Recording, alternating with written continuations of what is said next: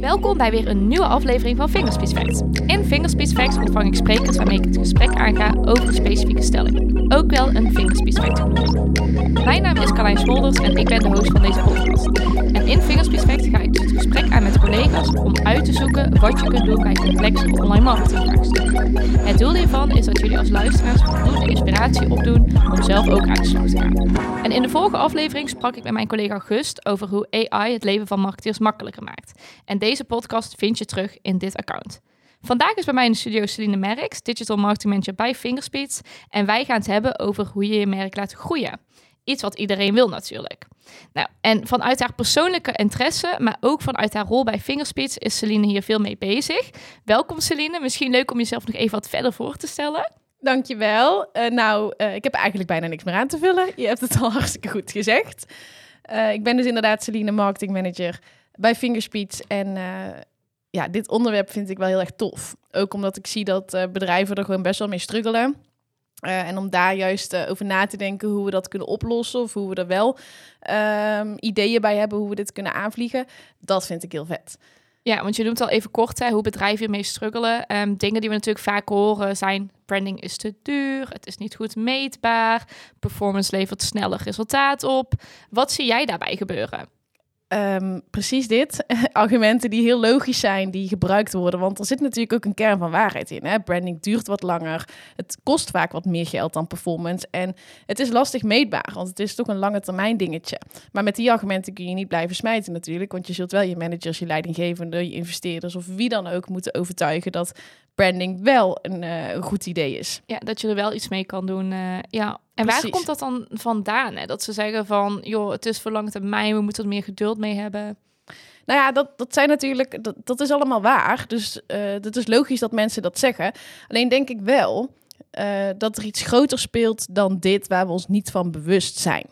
Uh, Vertel. ja, spannend. Um, nou, ik denk namelijk dat we niet in staat zijn om genoeg dopamine aan te maken op dit moment, wanneer we bezig zijn met branding. En nou zul je denken, huh, dopamine? Ja, ik heb uh, zeg maar biologie nooit echt heel goed gekund. Ik ben niet voor niks richting marketing gegaan. Vertel. Nou ja, dopamine is het stofje, het gelukstofje wordt het ook wel genoemd. En dit stofje heb je nodig, uh, of hebben wij gewoon nodig in ons leven om vrolijk te zijn, om door te gaan, om uh, ja, happy te zijn in het leven. Uh, maar dat hebben we ook nodig op werk. Want uh, op het moment dat jij niet dat gelukstofje ervaart, dus niet dopamine krijgt, zal je sneller werk neerleggen. Zal je sneller stoppen met iets, want ja, het werkt niet. Dus laat maar zitten. Um, ik zeg ook wel eens, we zijn stiekem allemaal dopamine junkies. um, maar dat is gewoon zo. Iedereen is continu op zoek naar, naar dopamine. Um, want ja, dat maakt ons gelukkig, dat stofje. Zoals je het nu beschrijft, kan ik ook wel meteen aan een aantal dingen denken waarvan ik denk, wow, dat geeft mij zelf persoonlijk echt dopamine. Die snelle succesjes, resultaat, Precies. nieuwe schoenen, uh, dat soort dingen allemaal. Ja, nieuwe daar krijg ik wel uh, dat gelukshormoon van. Ja, nieuwe schoenen vallen er ook onder inderdaad. Het kopen van nieuwe schoenen, het scrollen op TikTok of Instagram, uh, dat doen we allemaal onbewust, maar dat doen we allemaal om dopamine aan te maken zonder dat we het doorhebben. Dus het zit echt geprogrammeerd in je hersenen dat we dit nodig hebben. Eh, en het lukt ons dus niet bij branding en wel bij performance, waardoor ik vaak zie dat we dus kiezen voor die performance aanpak uh, en voor die snelle weg naar resultaat en groei, wat natuurlijk ook logisch is. Hè? Alleen op een gegeven moment gaat je dat beperken, uh, gaat dat je groei beperken en zul je dus niet verder kunnen groeien dan dat waar je dan over een paar jaar misschien staat. Ja, en dat is natuurlijk de reden waarom je zegt van hé, hey, we moeten echt aan de slag met branding, maar hoe ga je daar dan toch mee aan de slag? Dat het ook leuk blijft. Dat jij wel een geluksgevoel krijgt van branding. Ja, nou, raak je precies een goed punt. Um, ik denk sowieso, ik wil het vandaag niet per se over branding hebben, maar daar kom ik dadelijk uh, ook nog bij. Uh, ik vind het belangrijk om wat meer te praten over brand growth. Uh, en dat, dat wil ik eigenlijk doen aan de hand van drie principes. Of in ieder geval, ik, ik gebruik vaak drie brand growth principles om dit uit te leggen. dat is één, mix it and fix it dingetjes door elkaar schudden. Uh, twee, stand out of the crowd. En drie, the louder, the better. Nou, ik ben heel benieuwd. Laten we beginnen bij de allereerste. Mix it en fix it, zei je. Wat, wat moet ik me daarbij voorstellen? Ja, nou, dingen lekker door elkaar schudden. um, We houden allemaal van een goed geshakte cocktail. Dus, precies. Daarom bereid je voor op, uh, op een lekker geshakte cocktail. Uh, wat ik hiermee bedoel met mix it en fix it is, nou, ik zei het net al even, laten we niet meer focussen op branding en performance als losse onderdelen, maar laten we alsjeblieft met z'n allen gaan kijken hoe we die twee kunnen gaan combineren. Ja, want dat zie je denk ik nog wel vaak. Hè? Dat bijvoorbeeld ook in marketingteams dat ehm, branding en performance echt losse eilandjes zijn. Nou, Niet? super vaak. Ja. Nou, niet alleen misschien de teams, maar ook gewoon de mensen zelf. Sommigen krijgen meer energie van branding, sommigen krijgen meer energie van performance. Ehm, en beide zijn natuurlijk goed. Hè? Er is niet een goed of een fout. Het zijn gewoon hele andere kwaliteiten. Branding personen of branding teams zijn gewoon wat beter in het begrijpen van de doelgroep, in het vertellen van de boodschap, precies weten wat de doelgroep op welk moment zou moeten ontvangen. Ehm, we zijn iets minder goed in inderdaad het interpreteren van dat lijntje misschien of begrijpen van hey, hoe zorgen we er nu voor dat, dat die mensen uiteindelijk ook converteren. Eh, Die boodschap is het allerbelangrijkste. ja, dus echt die vertaalslag naar het resultaat uiteindelijk. Ja. Precies. Waarbij dus het performance team juist het tegenovergestelde is. Hè? Die zullen kosten wat het kost ervoor zorgen dat die bal ingekopt wordt. Ja. en laten daar ook het merk voor los. Want ja, boeien welke kleur eh, de button heeft. Als het converteert, converteert het toch? ja, als ze maar resultaat zien, toch? Ja. Precies. En ze hebben elkaar wel nodig, want anders dan werkt geen van beide, lijkt me. Nee. Nou, en als je dit twee allebei hebt, dan ben je al een hele stap verder. Hè? Alleen het zou gewoon nog mooier zijn. En ik denk dat je dus je merk kan laten groeien. Als je beide nog iets meer met elkaar gaat laten praten. Het liefste dus combineert. En dat je gaat kijken naar de gehele customer journey. En hoe je dan branding en performance kan combineren. Dus oftewel, in de C-fase, hoe zorgen we ervoor dat het merk hier inderdaad centraal staat. Maar hoe kunnen we hier ook performance zeg maar, toepassen? En in de do-fase precies hetzelfde. Hoe zorgen we ervoor dat het merk overeind blijft staan, terwijl we wel kijken hoe we die bal zo snel mogelijk kunnen inkoppen, om maar even in voetbaltermen te blijven. Ja, oké, dus om daar ook echt op door te pakken. Ja, precies. Dus echt kijken naar die hele customer journey en niet naar, oké, de C-fase is voor branding en de do-fase is voor performance. Nee, zie het echt als één geheel. Hoe gaan we het merk over de bühne krijgen? Hoe gaan we het merk eh, doorvertalen naar de mensen? En hoe gaan we ervoor zorgen dat mensen fan worden van ons merk en dan dus ook uiteindelijk loyaler worden? Ja, ja zonder passievrucht ook geen pornstar martini natuurlijk. Precies. moet natuurlijk ook mixen. Hij moet afgemaakt worden. Ja. en dat is dan de eerste stap. Geef je aan het eerste brand growth principe. Dan had je het vervolgens over de tweede, stand out from the crowd. Ehm, wat moet ik daaronder verstaan? Klopt. Ehm, dit is mijn favoriete. Ja. ja, ik vind deze echt heel leuk. Mag je eigenlijk niet zeggen dat je een voorkeur hebt. Hè? Nee. Niet luisteren. niet luisteren. Nee, ja, dit is mijn favoriete, omdat ehm, hier heel veel creativiteit ook bij komt kijken. Maar eh, ehm, dit is ook mijn favoriete, omdat het een beetje aanhaakt op waar ik vandaan kom. Ja, de meeste mensen die luisteren zullen mij niet kennen. eh, maar ik kom eh, eigenlijk uit een klein boerendorpje. Hapert. Hapert zetten we even op de kaart. Woe, nou ja, dit is, eh, het is een hartstikke leuk dorpje natuurlijk. Op de eh, Belgische grens ligt het onder Eindhoven. Ehm, maar waarom ik dit zeg is, eh, boeren zijn van origine de merkexperts. En Zou dat- je eigenlijk niet verwachten. Nee, ja, ik vind dat dus wel heel tof. Toen ik, eh, toen ik hier achter kwam, dacht ik wel, eh, oh, dat is wel echt iets om, eh, om trots op te zijn, een beetje. Hè? Je benoemt het even nadrukkelijk. hè? Even nadrukkelijk. Nee, ja, want daar, begon het eigenlijk allemaal. Hè? Dus vroeger hadden boeren vee, koeien, schapen, varkens, noem het maar op. Maar zij hadden geen internet. Zij hadden geen mobiele telefoon of middelen om mooie campagnes te maken. Maar zij moesten wel hun vee verkopen natuurlijk. Dus wat deden zij om ervoor te zorgen dat, eh, dat het aantrekkelijker werd... of dat mensen wisten van, oh, dat is van, van die boer... Eh, het is een beetje een, een, niet zo'n heel fijn verhaal, maar zij brandmerkten hun merk letterlijk eh, in het vee. Zodat mensen het dus konden zien van dat het komt van die boer af. Eigenlijk wel een beetje zielig. Maar... Een beetje zielig, maar daaruit, gelukkig doen ze dat nu dus niet echt meer, Nee. volgens mij. niet een merk in ieder geval. Ehm, maar vanuit daar is het eigenlijk verder gegroeid. Dus toen kwamen er steeds meer middelen natuurlijk om, eh, om bekend te worden, om je merk bekend te maken. Waarbij we nu op een punt komen dat er zo ontzettend veel bedrijven zijn. eh zoveel content. Ehm, er is een overload. Je weet gewoon niet meer waar je moet kijken. En we blijven dus ook maar scrollen.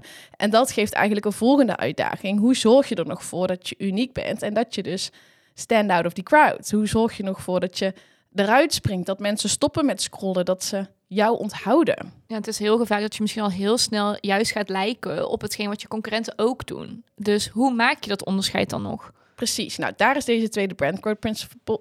Sorry, brand growth principle blijft een moeilijk woord voor. Eh, en die focust dus heel erg op ehm, niet focussen op brand awareness, wat eigenlijk een logische stap is wat veel bedrijven doen. Dus Daar denk je vaak ook als eerste aan, oh, branding, brand awareness. ja, en dat is ook een belangrijk onderdeel, hè? het genereren van bereik en het genereren van awareness.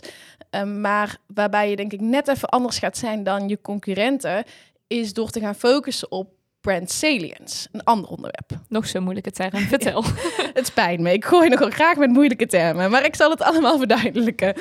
Brand salience is eigenlijk de neiging van een merk om opgemerkt te worden of om aan te denken in koopsituaties. En daar ligt dan dus ook zeg maar de crux, die koopsituaties, dat is belangrijk. Eh, Dus ehm, stel nou, we gaan op zoek naar ehm, een nieuw paar schoenen. Ja. Om maar even in het juiste thema te blijven. Inderdaad. Ik hoop dat de mannen ondertussen niet afgehaakt zijn. maar we gaan op zoek naar een nieuw paar schoenen. Ehm, op het moment dat ik daar naar op zoek ga, krijg ik natuurlijk echt wel heel veel advertenties te zien. En bedrijven die bezig zijn met brand awareness, die zichtbaar willen zijn, die, eh, die weten dat ik eh, misschien een intentie heb om te kopen, dus die, eh, die zijn zichtbaar. Alleen op het moment dat ik ook daadwerkelijk ga kopen, dat ik tot koop overga, aan welke merken denk ik dan? Koop ik, kies ik dan bewust voor een bepaald merk? Dat is eigenlijk brand salience. Dus in het hoofd van de persoon zijn op het moment dat diegene wil gaan kopen. Is dat eigenlijk onbewust als een soort van zaadje is geplant. Precies. Nou, dit heeft heel veel ook weer met hersenen te maken. Super interessant. Gaan we er nu niet heel uitgebreid over hebben, want daar hebben we denk ik niet genoeg tijd voor. Dat wordt misschien een andere podcast. Ja, zeker. Ja, echt wel heel leuk. Of lees het boek van Byron Sharp. eh, ook echt eh, een, een, een aanrader. Eh, die vertelt hier heel veel over. Alleen dit is dus wel iets waar bedrijven zich soms... eh, wat bedrijven soms vergeten. Dat dit veel belangrijker is om hier aanwezig te zijn... dan enkel te focussen op heel veel views. Ja, want zeker als je juist uiteindelijk ook echt die omzet wil, dan is het ook juist heel belangrijk dat ze jouw merk natuurlijk uiteindelijk kopen. Precies. Dus zeker Ja. in die fase van de funnel wil je dan juist aanwezig zijn. Ja, nou en zo combineer je dan ook meteen een beetje branding en performance. Als we het nog over branding Ja. en performance mogen hebben. Heel eventjes. Mooie combinatie. stukje brand growth. Ja, het lastige, de uitdaging is, hoe doe je dit? Want ja, eh, je zit niet zomaar in iemands hoofd natuurlijk. Dus dat is ook wel iets van de lange adem natuurlijk. Eh, tegelijkertijd kun je daar natuurlijk wel een bepaalde strategie op inzetten. ja, en wat is dan echt zo'n typische strategie die hierbij zou passen? Nou, er zijn twee onderdelen belangrijk. Ehm eerst is een stukje creativiteit. Nou, ik noemde het net al eventjes. Ehm, heel veel verschillende bronnen, ook van Nielsen, die laten zien dat eh, eh, creativiteit eigenlijk voor 47% eh de impact bepaalt van jouw campagne. Nou, dat is bijna de helft. Echt hoog, hè? Dat is bizar. Echt wat creativiteit tegenwoordig wel niet doet. Ja. het is, en creativiteit is ook wel meer dan enkel een mooi plaatje, hè? want daar vergissen mensen zich ook heel vaak in. Van, oh, even een mooie visual maken, even een leuk filmpje. Maar ja, het is meer dan dat natuurlijk. Nou, ik hoor super vaak, hè, we hebben hele mooie fotografie, dus daar kunnen we vast wel wat mee.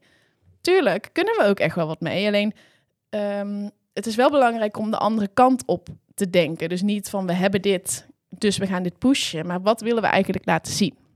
Ja, en heb je daar dan misschien ook een voorbeeld van? Want je hebt natuurlijk in het verleden ook echt wel heel vaak voor klanten dit soort trajecten gedaan. Heb jij een tof voorbeeld waarvan je denkt van... hier hebben we echt creativiteit op een leuke manier toegepast? Ja, zeker. Ja, je- het gaat nog wel iets verder dan alleen op een leuke manier toepassen. Want je Mhm. wil dus echt wel eh, inspelen op de momenten dat mensen dus mogelijk aan jou kunnen denken. Met een moeilijk woord en om in jargon weer te praten, eh, zeggen we, noemen we dat category entry points. Punten waarbij mensen mogelijk aan je kunnen denken. Ja. En daar moet je creatief zijn.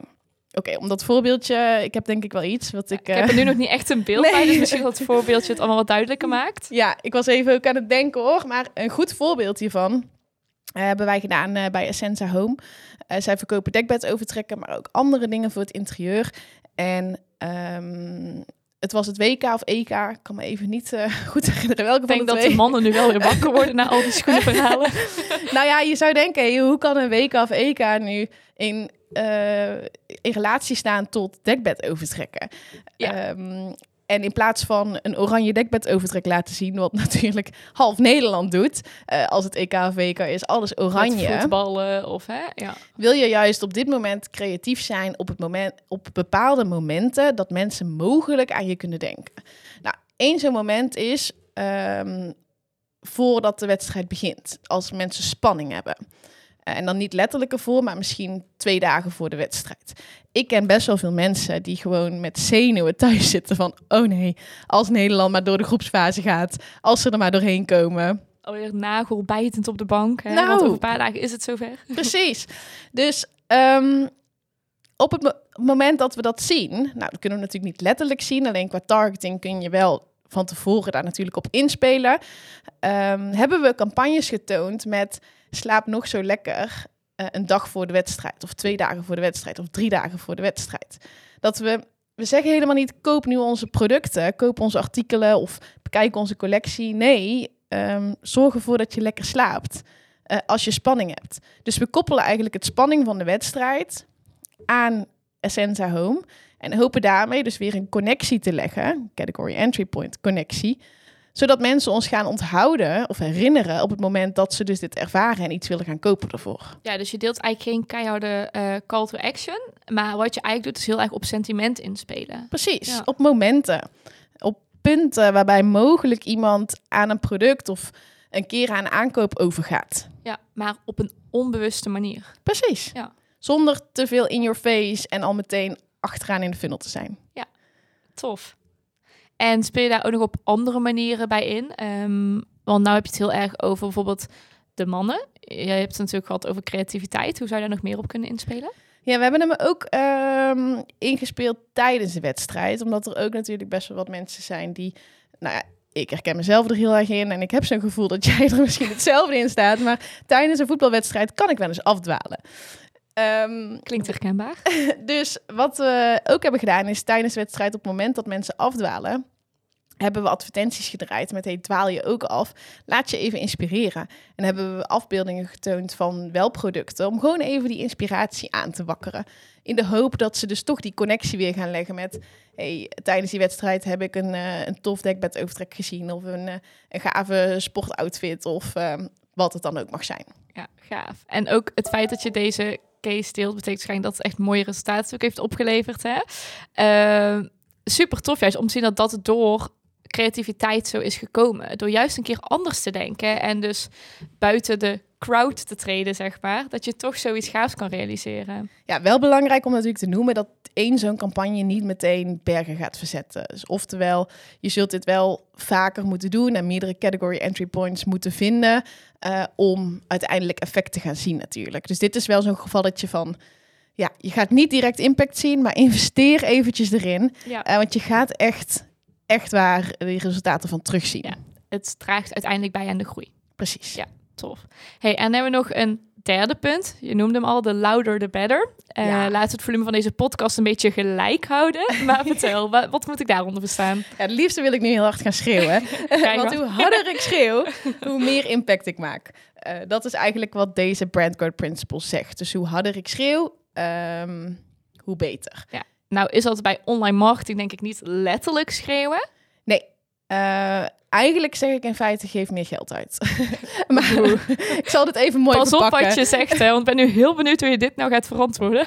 Nee, dit was natuurlijk een argument helemaal aan het begin waarvan ik zei, ja, die vegen we gewoon van tafel. Ehm, maar het komt er wel op neer dat je meer moet gaan uitgeven om meer marktaandeel te pakken. In ieder geval meer dan je concurrenten. Eh, De formule share of voice is gelijk aan share of market. Eh, dat is wat er eigenlijk een beetje speelt.